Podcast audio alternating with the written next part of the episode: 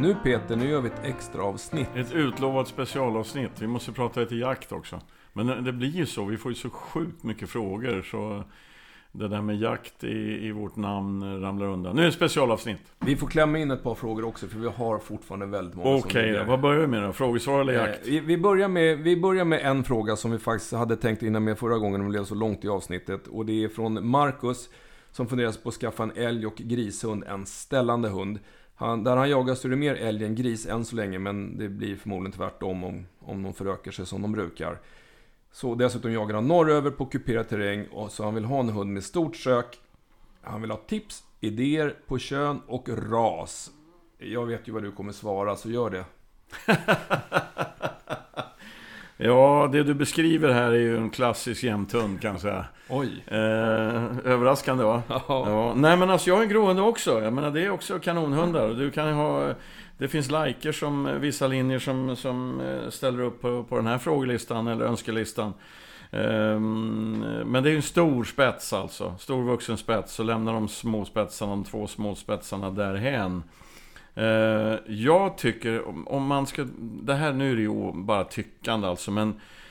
Jag föredrar, alltså han säger att det kommer mer och mer gris, säger han. Och jag föredrar ju att jaga vildsvin. Om det är jämthund vi snackar så föredrar jag att jaga med tikar. Eh, rent statistiskt är det faktiskt så att tikarna får mindre stryk av vildsvinen. Eh, jag har ingen aning om varför det är så, men jag tror att det har att göra med att eh, klassiska jämthundshanar har en tendens att mäta sig med motståndaren. Eh, det vill säga de står kvar när utfallet kommer. Tikarna är lite mer försiktiga om, om sitt, sitt arbete i reproduktionen eller något. Eh, jag tror det. Men, men det där är en väldigt, väldigt personlig åsikt. Jag har en god vän jag jagar mycket med, han heter Knutsson. Han, han skriker ju rakt ut om jag påstår att jämtens tikar är bättre än jämthundshanar. Men, men eh, det är min åsikt. Eh, sen så kan man ju stoppa in det generella, det har vi pratat om förut. Jämthundar går generellt mer på vind, söker i vind. Eh, snabbare, stö, alltså sö, snabbare sök, gråhundar generellt alltså. Eh, jobbar hellre med slag. Så det är lite grann beroende på hur han vill jaga. Men, men eh, och resten handlar ju om injagning. Välj rätt linje. Så mycket jaktlust du kan hitta, mental stabilitet, resten handlar om hur mycket du jagar. Men grundrådet om man skaffar en storspets, en jakttokig storspets. Jag fick faktiskt en fråga av en kille som sa, han träffade min gråhund och sa Åh, jag vill också ha en gråhund. Eh, och då sa jag att Absolut, köp en gråhund, men det är minst 50 dagar jakt om året 50 dagar till som är träning, fysträning du vet, eh, lydnadsträning och annat. Så 100 dagar ryker alltså om man vill få fram en spets som är följsam och som jagar som en idiot. Men det gäller ju även de andra spetsarna. Ja, ja, ja, alltså helt klart. Alltså det, det är så mycket jakt i dem så, så Om man har de möjligheterna och vill lägga den kraften i i sitt hunderi, då skulle jag absolut säga köp en. Men då, om du nu kan, på ett kortfattat sätt, konkret prata om skillnaden mellan jämthund, gråhund, laika och karelare. För det är väl egentligen de spetsar vi pratar om. Ja, eh, vit älghund, hälleforsare. Ja, men, men alltså, generellt till det jag sa. Jämthunden går generellt här nu alltså. Eh, söker ofta vilt att jaga med hjälp av vinden, det vill säga den går snabbare. Eh, med, med högre nos. Gråhunden generellt gillar att rota i slag och följa löpor. Det är två olika grejer. Men sen finns det linjer hos gråhunden som är mer lik jämthund och bla bla bla. Mm. Sådär va. Eh, Laikan generellt eh, är lite, lite mer, lite kortare. Också väldigt generellt. Det finns de individer som sticker ut. Men den, den jagar lite kortare, lite kortare sök och sådär va. Eh, jobbar lite, oftast lite mer tillsammans med sin hundförare. Vita älghund är lite åt det hållet som jag ser det. Eh, Hälleforsan, de Hälleforsar som jag känner och jagat med.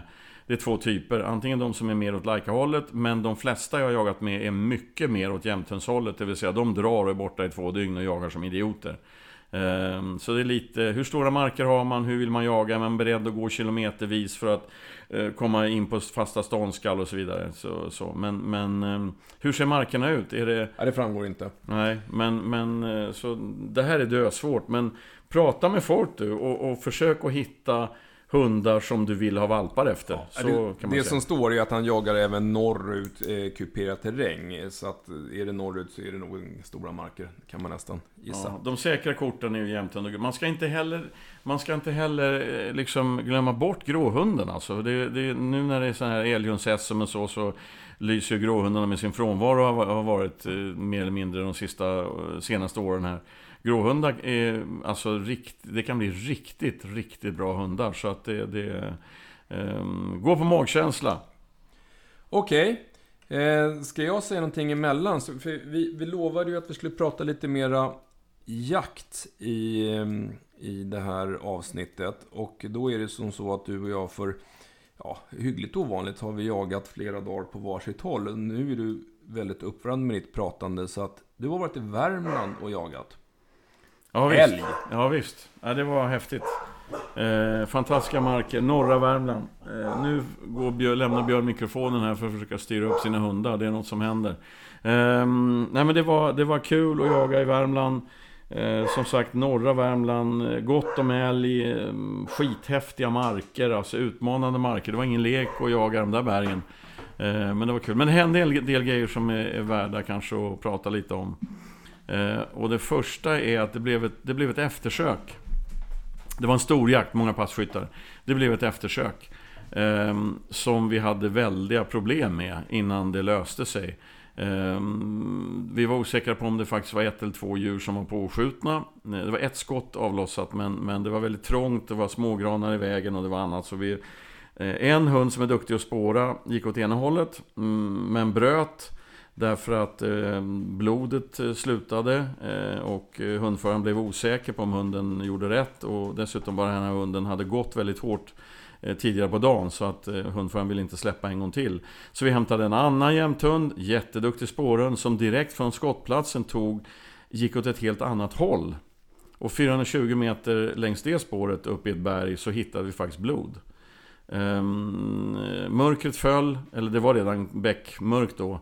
Men den hundföraren ville inte släppa sin hund heller för att den hunden var, eh, den är gammal helt enkelt eh, och, och um, duktig på att spåra men har inte orken kvar i kroppen. Uh, jag var, efter de, dessa två spårningar så var jag relativt säker på att det här var en låg träff. En benträff alltså. Uh, allting som jag såg tydde på det. Nästa morgon hämtades en labrador, en, en vildspårmästare. Eh, som direkt från skottplatsen gick åt den första spårhundens håll, vände, gick tillbaks och upp i berget. Så att det var alltså, de två spåren som gick åt olika håll var egentligen samma spår. Eh, när vi så småningom fick tag på den älgen, eh, den levde och avfångades eh, på ett dundrande ståndskall. Då satt träffen långt upp i nacken. Ekeström hade 100% fel alltså i bedömningen. Och det här talar ju om hur svårt det här är. Eh, och, så. Ehm, och jag är ingen 100% eftersöksjägare, vill jag definitivt inte påstå. Men man har ju gått så sjukt mycket eftersök ändå. Eh, och man blir aldrig fullärd alltså. Dessutom var det här en liten kviga och skytten som var ovan påstod att det var en stor tjur. Eh, så att det var... Har du hört det förr? Men sen kan jag berätta massa andra saker om Värmlandsäventyret. Att gamla Orka, som är en ren vildsvinshund, blev plötsligt visade att det finns älg i hennes gener. Det sköt stor oxe för henne och sådär och hon höll i eh, och... eh, det var faktiskt så att hon, min gamla jämthundstik, hon, hon tände ordentligt på en älg. Hon fick tag i en älgkviga som var arg, riktigt arg.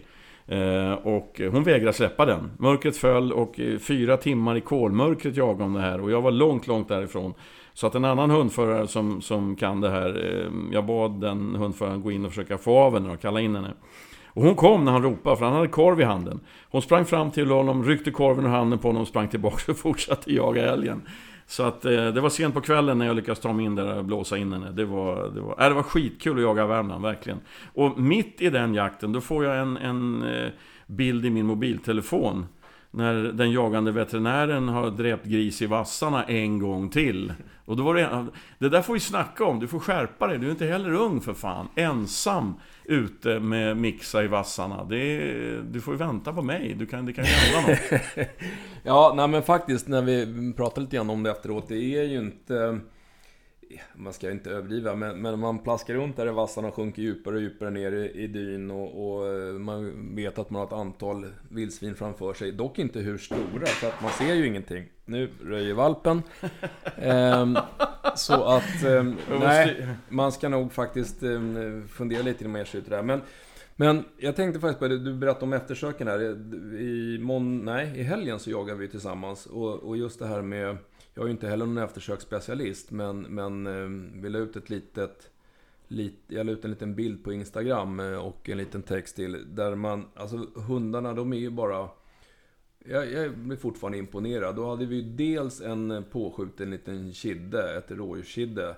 Som jag personligen och, låg och kröp, för skytten hade sett kiddet ganska långt efter skottet eh, sprungit in i ett slåne och jag var inne och kröp det här slånet. Det var ju liksom en matta av gula löv. Jag såg ju vad Kid hade gått. Jag såg inte tillstånd till varken hår, blod eller någonting annat.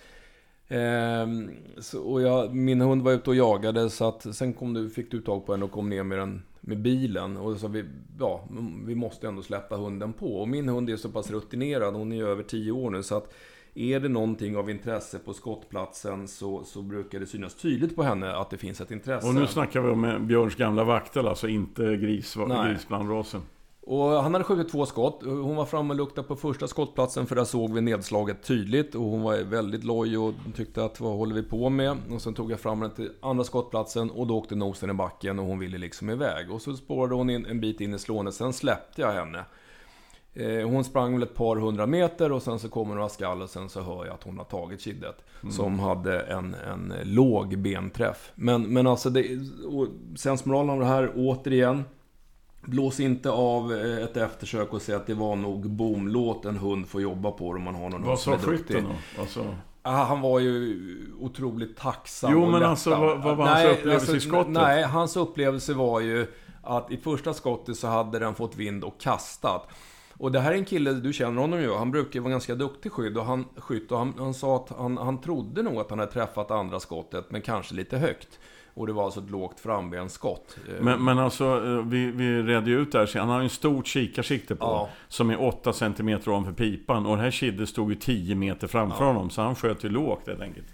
Och gråvakten fick tag på, en, på ett vildsvin som hade sprungit längs vassen, gått ut i sjön, simmat ut i ett stort U och gått tillbaks ungefär till skottplatsen, fast genom vassen upp som hon redde ut. Eh, så att, så att ja, nej, hundarna eh, utan dem vore vi inte så mycket till jägare, eh, tror jag. Men det här med vass, vassarbetet var ju spännande, för att då fick vi ståndskall ute i vassen och Eh, ja, jag var ganska nära. Jag stod inte mer än två meter bakom hunden, men jag såg inga grisar. Men när de gick loss så hörde de tydligt. Då sticker hunden iväg ut eh, efter de här grisarna, ut ur vassen och upp i berget. Släpper efter en stund och kommer tillbaka. Hon släppte vånen tidigt. Men hon är ju sådär min hund, när det står... På något sätt har hon koll på att det finns grisar kvar. Och då hade jag gått ut, så jag stod i vasskanten och då gick hon in igen eh, och började skälla och då kom det ganska snabbt en 65 kilos gris, eh, god fart ut va ur vassen. Jag sköt den precis i vasskanten. Det första skottet visade sig sedan ha tagit levern. Men en eh, alltså stressad gris, han fortsatte ju, så han sprang väl en 70-80 meter upp och så vart det nyss ståndskall. Eh, och så kunde jag avsluta, men... Men, eh, men med, med, den leverträffen, så när du sköt den så var den, försökte den... Då... Ja, ja, så den drog ju. Ja, det var, jag hade det faktiskt på, på film, så att det är fascinerande med... Men, men skicka mig till det där, så ska jag klippa er där, så lägger vi ut det på Instagram. Ja. Nej, det, det händer alltid någonting när man är ute i skogen och jagar, men, men eh, mitt budskap och även delvis Peters, alltså det här med eftersök, eh, det, det ska man ta på allvar. Ja, definitivt. definitivt. Eh, ska vi klämma in en fråga till? Vi kan ta faktiskt, vi har fått ifrån eh, Johan som hade en Gonski Polski som vi gav lite tips och idéer. Eh, och han, han tackar för ett grymt bra svar så, som han ska testa nu. Så eh, det var bara en, en litet tack. Tack för det Johan. Och sen har vi den här återgången som vi haft uppe på tapeten förut. Men det här är André som har en, en blandning vaktel jämte karelare kastrerad ett och ett halvt år. Eh, spårat och klarat anlagsprov, skäller gris, släppte hägn. Söker bra, tar, eh, följer, upp, följer med viltet upp till en kilometer, men har svårt att hitta tillbaka. Eh, vid tre tillfällen har han kommit tillbaka in i såten, men han har gått parallellt och inte i bakspåren. Och sista gången så hittade han inte tillbaka alls och då fick husse hämta med bil, vilket han inte vill göra.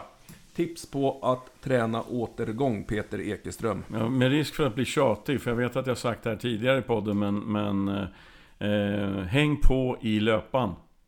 Eh, för då är du närmare hunden. Du ser ju på pälgen var hunden går. Du är närmare hunden när den slutar jaga. Eh, och så kallar du in hunden. Alltså du kallar, antingen om hunden går bakslaget i början en bit. Eh, så finns ju du på bakslaget. Eh, så att eh, hem, hemåt, hemmet, tryggheten, husse matte finns alltid i mitt eget bakslag.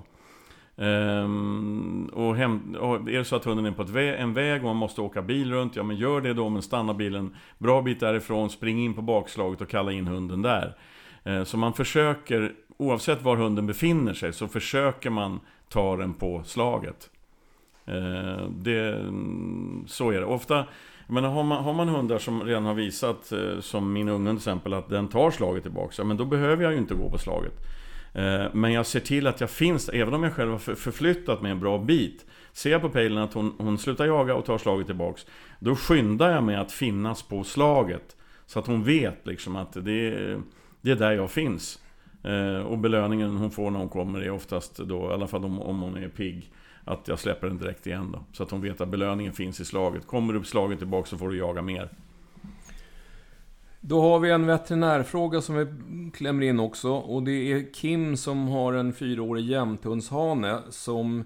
Eh, ja, den hade som valp en diagnos som heter Swimming Puppy. Det här är en väldigt, väldigt ovanlig diagnos. Den, eh, man vet inte varför vissa valpar drabbas. Man tror att det kan vara genetiskt, man tror att det är någon dålig utveckling av muskulaturen. Swimming Puppy är, har den, namnet kommer helt enkelt för att de ligger på magen och alla benen sprattlar ut åt sidorna. Det ser ut som de ligger och simmar. Eh, för att den orkar helt enkelt inte ställa upp sig på benen. Och så får de ofta som en effekt av det där en, en platt bröstkorg. För de ligger hela tiden och trycker på bröstkorgen.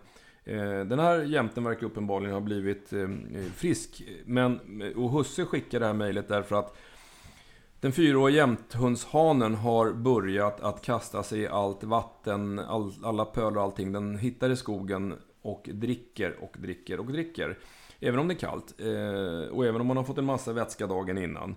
Och då undrar Husse om det här kan vara något medicinskt, om det kan ha samband med swimming puppy-diagnosen. Jag tror inte att det har något samband med swimming puppy-diagnosen. Eh, nu skriver du inte någonting om hunden dricker mycket hemma också. Den kanske bor i hundgård och har fri tillgång till vatten så det är svårt att kolla. Jag vet inte. Men en hund som dricker sådär mycket, det tycker jag definitivt, det kan vara något medicinskt. Det ska man kolla upp. Eh, det kan vara något så banalt som en urinvägsinfektion. Det kan vara diabetes som ger ökad törst. Det kan vara en överproduktion av kortison som ger ökad törst. Så att jag tycker nog att, att med, med... Åk till veterinären och kolla upp... Eh, kolla gärna hur mycket den dricker hemma. Jag har sagt det förut, men om vi har en jämthund som väger 30 kilo så ska den dricka ungefär 1,5 liter per dygn. Det är hyggligt normalt. Så att om du mäter upp och ser att den här dricker 3 liter, då är det mycket. Och då med, med blodprover kan man ganska snabbt konfirmera eller utesluta diabetes. Ett urinprov så kan du kolla om den har någon urinvägsinfektion eller någonting sånt där. Eh, så det var detta. Och sen så hade vi också ett mejl från Alexander om en vaktel på nio år som hade fått diagnosen diskbråck. Alexander och jag har haft kontakt på både telefon och mejl. Eh, jag hoppas att det är rätt ut så du får gärna skriva några rader och tala om hur det där har gått Alexander. För det lät lite udda, det du var med om. Ja, Peter, det skulle ju vara ett extra avsnitt. Vill, vill du svara en, på en sista fråga så är det så här att det här är en sex månaders lapsk vallhund. Som, eh, som är tänkt att gå lavinsök. Nu tycker husse att det vore lite kul att jaga med den lapska vallhunden också. Han har aldrig hört någon som jagar med rasen. Men det är ju trots allt en spets och han har ganska lätt till skall. Han vallar med skall. Vad ska man satsa på? Kan de ställa klövvilt eller ska man gå mer åt trädskällande som en Norrbottenspets? Jag känner faktiskt en hundförare som jagar med, en, eh, med den rasen. Eh, och den hunden Eh, kort, ganska kort, men den skäller fågel, den skäller älg, eh, den förföljer allt vilt som springer bort ifrån den en kort bit och sådär. Och det är skjutet alla möjliga vilt för den. Men eftersom det där i grunden inte är en specialiserad jakthundsras så är mitt råd att släpp hunden på dina marker och låt den jaga. Och, och jaga det som hunden själv föredrar att jaga på det vis hunden visar att den vill att du ska jaga. Eh, då kan hunden bli en riktig specialist på den jaktform som, som den själv visar dig att den vill hålla på med. Eh, så skulle jag göra, absolut. För det är svårt att säga, alltså, eftersom den inte, det är inte en specialiserad eh, jaktras. Då. Så släpp den, jaga och följ hunden. Låt hunden lära dig att jaga helt enkelt. Nu får vi nästan nöja oss, det här var bara ett extra avsnitt. Extra avsnitt. Men vi lägger jag, ut det här på både Patreon. Jag måste och... ladda alla pejlar och radioapparater och alltihopa, för imorgon är det dags igen. Det är ju jaktsäsong, så här kan vi inte hålla på. Eh, eh, vänta, vänta, vänta Peter. Det är en fråga faktiskt som, som vi har missat här. Och det är en fråga ifrån Simon. Som har en tvåårig östlajka. Den får vi ta, för den är några dagar gammal. Han jagar gris och okay. älg med sin östlajka. Dåligt sök, kanske 100-200 meter. Får han tag i slag så kan han gå lite längre. Men i och med det här så får han upp djuren ganska nära husse. Vilket oftast leder att det blir upptag och sken direkt. Det är skjutet både gris och älg men oftast på sken. Eh, han har skällt gris i flera timmar, men bara som en engångshändelse. Men, men det betyder att han har det här i sig. Husses fundering, är det här en mognad eller behöver han tänka om? Ja, det kan väl vara mognad kanske, men, men eh, undvik att skjuta springvilt, jaga ensam i skogen utan passkyttar. Kommunicera inte för mycket med hunden eh, när, den, när, du, när du vill att den ska söka. Liksom skicka inte håll på för att eh, då kan man ju binda hunden ännu mer till sig. Eh, rör dig smart i skogen, loss, alltså mm, allt, allt, tänk på vind, alltid mot vinden och väldigt, väldigt smygande. Så risken är mindre att det vilt som hunden hittar självständigt eh, direkt lämnar platsen och drar eftersom du redan har stött det. Eh, så tänk om i ditt eget beteende helt enkelt. Eh, och sen, sen är det klassiskt alltså, mm, ingen, inga sken, inte skytte på skenande vilt 200 eh, meter framför den här unga hunden.